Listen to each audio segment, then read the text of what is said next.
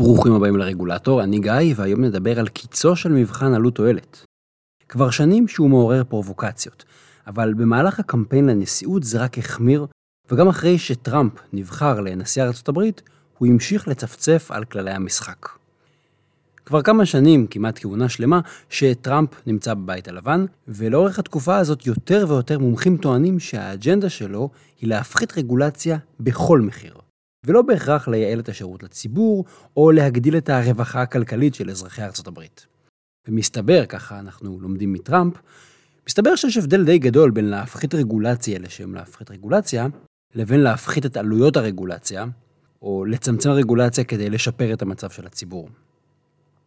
אני חושב שזה בא לידי ביטוי הכי טוב ביחס למבחן עלות תועלת. הפרק הזה ננסה להסתכל על עלייתו ואולי על נפילתו של ניתוח עלות תועלת בתקופת הכהונה של טראמפ. אז ניתוח עלות תועלת זה כלי מאוד מאוד חזק כדי לגבש וכדי אה, לבחון גם בדיעבד מדיניות. בעצם מה שאנחנו עושים, אנחנו מסתכלים על הפלוס ועל המינוס, על התועלות ועל החסרונות של אה, רגולציה. בעצם אנחנו סופרים בכסף את הנזק מסיכונים שונים וכמה נפחית אותם באמצעות המדיניות או באמצעות הרגולציה. אנחנו גם מכמתים את התועלות של המדיניות, תועלות אחרות, וגם את העלויות של הציות למדיניות. למשל, אה, כמה עולה לציית ממש ההוראות, כמה כסף זה הולך, או איזה בעיות נוספות הרגולציה מייצרת. לכל דבר אנחנו שמים תג מחיר מוניטרי של כסף ממש. הרבה אנשים לא מרגישים בנוח עם הרעיון הזה של לכמת הכל בכסף ולתת ערך מספרי לכל דבר, אפילו לדברים כמו חיי אדם. אבל בשורה התחתונה אין מחלוקת שהכלי הזה של ניתוח עלות תועלת הוא מאוד מאוד חשוב, והוא עוזר לייצר החלטות מנומקות ורציונליות יותר.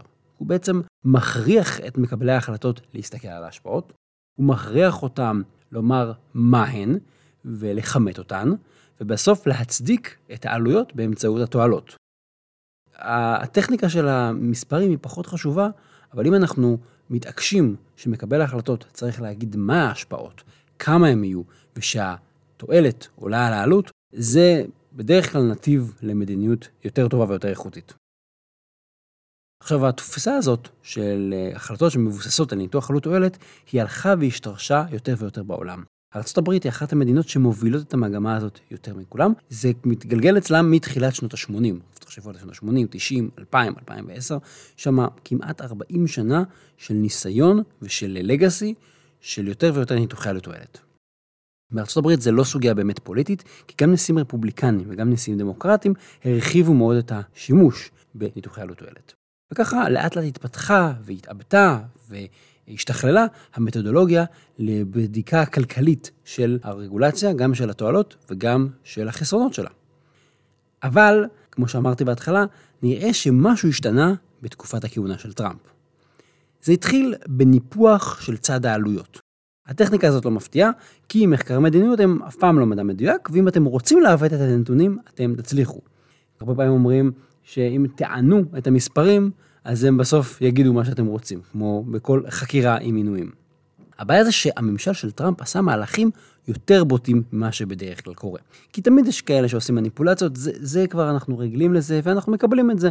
לא בהכרח כדבר חיובי, אבל זה חלק מהמשחק. אז מה למשל הממשל של טראמפ עשה? למשל, בדיעבד התברר שהייתה טעות בכימות העלויות של רגולציה על כספית ועל מזהמים האחרים. מה שהסתבר זה שהמספר שכומת היה גבוה מדי, ובפועל הרגולציה הטילה פחות עלויות. זאת אומרת, הרגולציה הזאת הייתה יותר טובה ממה שחשבו. עכשיו, ממשל טראמפ גילה שהעריכו את העלויות ביתר, והגזימו עם כמות העלויות של הרגולציה, אבל הוא סירב לתקן את הנתונים הרשמיים בהתאם. זאת אומרת, גם כשהוא ידע שהעלויות יותר נמוכות, הוא התעקש לצדד בעלויות מאוד גבוהות. למה? שוב, כי כשאתה מנפח את העלויות, יותר קל לך להגיד שלא צריך את הרגולציה הזאת. עכשיו, בעיה השנייה היא בצד השני של המשוואה, בצד התועלות. לפעמים אנשי מקצוע מחליטים לא להתאמץ, והם פשוט מוותרים על כימות התועלות. בעיניי זה טעות. אותם אנשי מקצוע אומרים, אה, הרגולציה תעשה טוב לסביבה, היא תגן על הצרכנים, היא תייצר יציבות. בעיקרון הם אומרים, יש לרגולציה מטרה טובה, מה זה משנה כמה טוב, העיקר שיש לי איזה, איזושהי תכלית טובה, איזושהי כוונה טובה.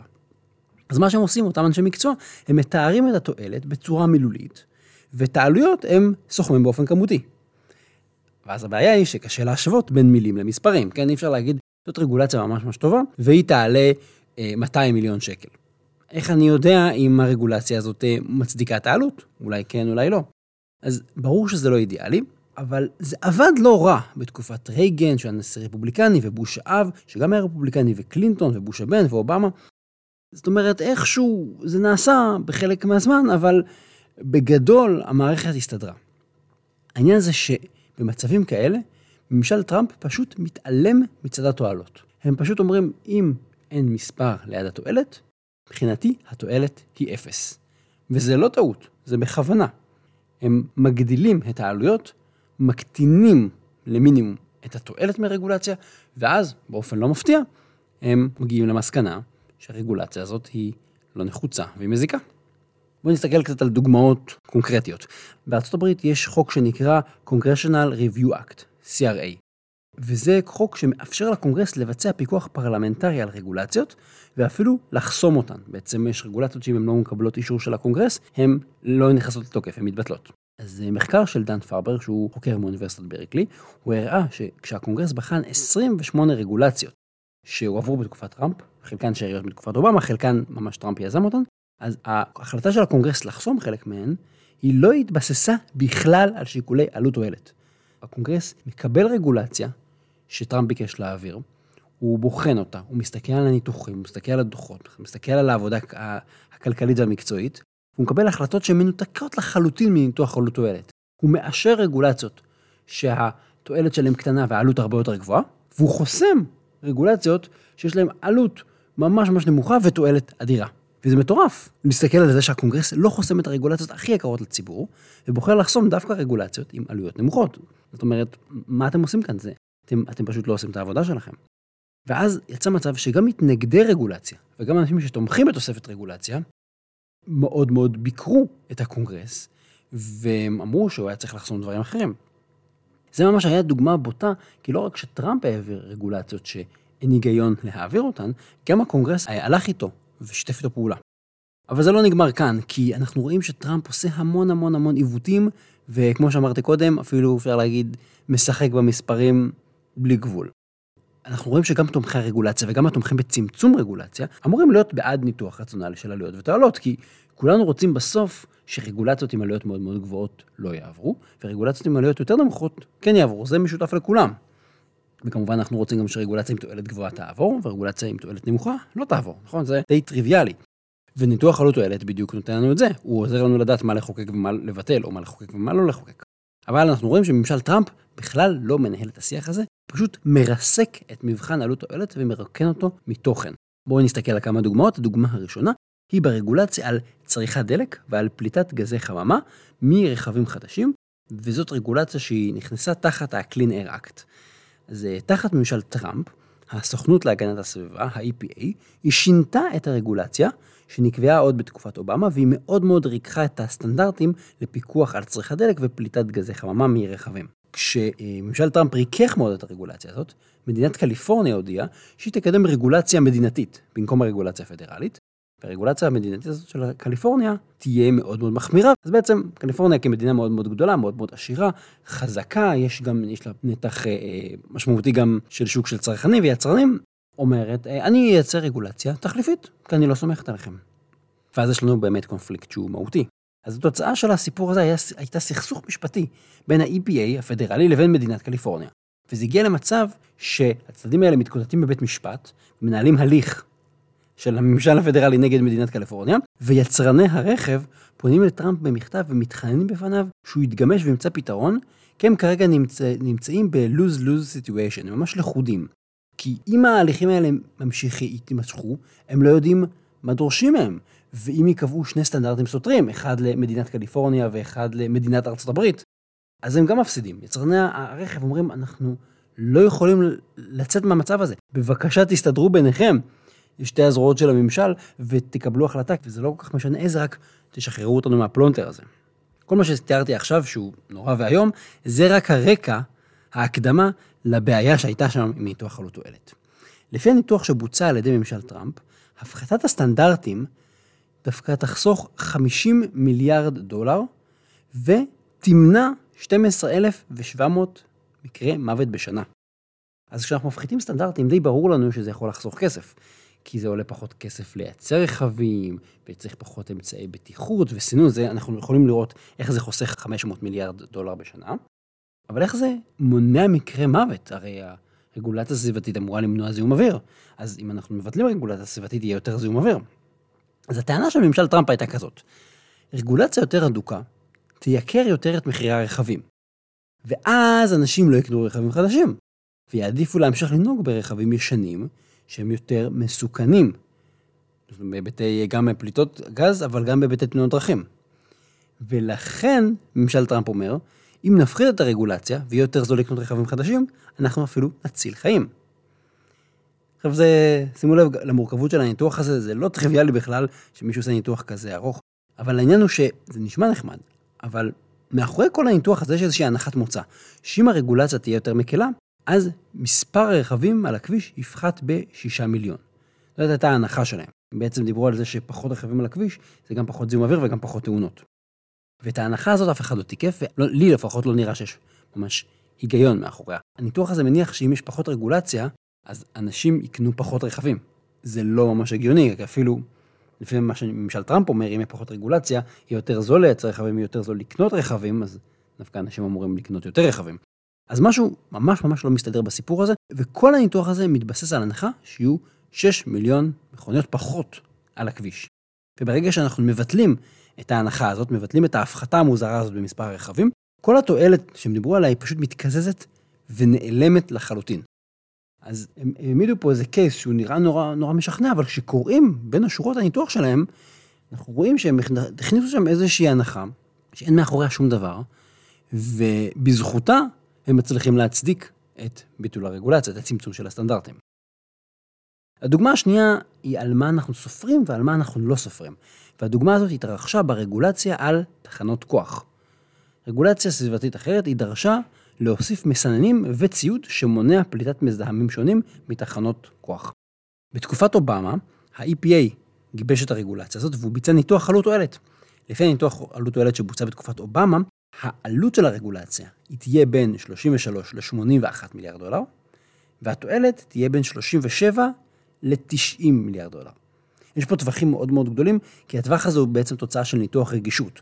אומרים, בהנחה כזאת, הרגולציה תעלה יותר, בהנחה כזאת הרגולציה תעלה פחות. הם מביאים בחשבון שיקולים של אי-ודאות. בפועל, אגב, העלויות היו בקצה התחתון של הטווח. העלות של הרגולציה תהיה 33 מיליארד, והתועלת תהיה 37 מיליארד, זאת אומרת רווח נטו של 4 מיליארד דולר בשנה. נשמע הרבה כסף, אבל נשמע בסך הכל שהרגולציה הזאת עושה יותר טוב מרע. רוב התועלת מהרגולציה הזאת נובעת מזה שאנחנו מונעים הפצה של מיקרו-חלקיקים מזהמים. וזה מה שהמסננים עושים בעצם, לוכדים את אותם מיקרו-חלקיקים. עכשיו, ממשל טראמפ החליט שלא צריך להתחשב בהשפעה הזאת. פשוט אמר, אנחנו לא נספור את הנזק הבריאותי והנזק הסביבתי כתוצאה ממיקרו-חלקיקים.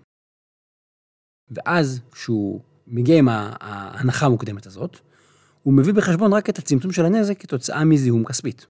אז יש לנו פה בעצם ניתוח חלקי, מחליטים לעצום עין אחת ולא לראות את כל הבעיות שאנחנו מנסים לפתור ולא לראות את כל התועלות של הרגולציה. ובגלל שמתעלמים מהזיהום של המיקרו-חלקיקים, התועלת מהרגולציה צונחת מ-37 מיליארד במינימום ל-4 מיליון. זו לא טעות, אני מדייק פה. הם השאירו בחוץ את רוב התועלת מהרגולציה.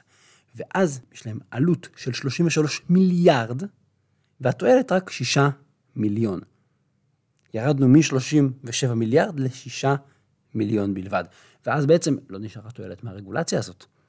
הם הורידו 99% מהעלויות של הרגולציה, ככה חתכו אותה, לא מסיבה מסוימת, פשוט אמרו, אנחנו לא מכירים בבעיה הזאת של מיקרו-חלקיקים, ולכן גם כל התועלות של המיקרו-חלקיקים לא רלוונטיות. ואגב, שימו לב שיש פה ממשל אחד שסותר ממשל אחר, היו מדענים שגיבשו את התזה הזאת על מיקרו-חלקיקים.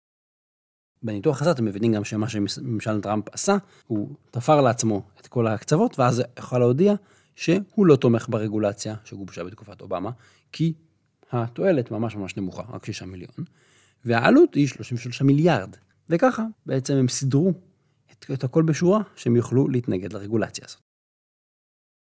אז מה יהיה העתיד של מבחן עלות תועלת, והאם הברית הולכת לרסק אותו? אמ, בעיניי אנחנו עדים כרגע לטרגדיה, ממש, שמתרחשת בשנים האחרונות, אה, מאז שטראמפ נכנס לבית הלבן. זאת אומרת, יש דברים מאוד מעניינים שהוא עשה, יש דברים טובים, יש דברים פחות טובים, אבל בסיפור של ניתוח עלות תועלת, אני חושב שהוא גורם נזק אה, סיסטמטי ומאוד מאוד עמוק למערכת. כי במשך שנים הממשל האמריקאי פיתח וטיפח שיטה מאוד מאוד רציונלית ומאוד מאוד עקבית לקבלת החלטות. וזה החל ברייגן, שהוא היה נשיא שהתנגד לרגולציה. חפשו נאומים שלו, חפשו באינטרנט רייגן ודי רגולציה, ועד לממשל אובמה, שהוא הרחיב רגולציה יותר מכל נשיא אחר בחמישים שנים האחרונות, אבל עדיין כולם שמרו על היושרה המקצועית של המתודולוגיה הזאת. היו קצת משחקים, היו קצת כיפופים, זה לא מדע מדויק, זה קורה תמיד. אבל כללי המשחק בגדול נשמרו וכובדו. ולצערי נראה שממשל טראמפ פשוט שובר את הכללים. כמו שאמרנו, גם לפניו קצת כיפפו את הכללים מדי פעם, ולכל אחד יש את ההטיות שלו, אבל ממשל טראמפ פשוט מתעלם מניתוח עלות תועלת, הוא לש אותו ומועך אותו ולא משאיר ממנו שום דבר, והוא משחק עם המספרים עד שהוא מקבל את התוצאה שמתאימה לו מלכתחילה. וזה מאוד חבל, כי אמרנו שניתוח עלות תועלת הוא כלי תומך החלטות סופר סופר חשוב, הוא מנקה אידיאולוגיה במידה רבה, והוא מאפשר לבקר החלטות ולנהל עליהם דיון, גם דיון ציבורי, גם דיון מקצועי. אז אם הניתוח הזה, שהוא קודם כל כלי של מקבל ההחלטות, הופך למין משחק כזה שאנחנו מרמים את עצמנו, מקבל ההחלטות ואיכות ההחלטות שלנו, זה מי שבאמת נפגע. אז מי שעושה כאלה מניפולציות, כמו שממשל טראמפ עושה, בתכלס, בתכלס, מרמה את עצמו. על הדרך הוא גם פוגע בציבור והוא פוגע באמון הציבור. ואני חושב שאם מסתכלים רגע על הניתוח של מה שטראמפ עושה, אז בעצם ממשל טראמפ מנסה להפוך את ניתוח עלות תועלת לניתוח של עלות עלות. להסתכל רק על העלויות של הרגולציה, ואז על כל רגולציה שלא תביאו לו, הוא תמיד יגיד, לא, העלות גבוהה מדי. כלומר שהוא מסתכל רק על העלות, והוא אף פעם לא מסתכל על התועלת. ואגב, יש הרבה מאוד רגולטורים שמסתכלים רק על התועלת ורק על הטוב ברגולציה, וכששואלים אותם כמה זה יעלה, הם אומרים, מה זה משנה, או איך אני אמור לדעת את זה, או זה לא התפקיד שלי. אז אצל טראמפ זה הפוך. אם תשאלו אותו מה התועלת ברגולציה, הוא יגיד לכם מה זה משנה ואיך אני אמור לדעת את זה. הוא יסתכל רק על העלות. עד כאן להיום, תודה רבה שהאזנתם לעוד פרק של הרגולטור. מוזמנים לעקוב אחריי בבלוג ובפייסבוק. התכנים משקפים את דעותיי בלבד.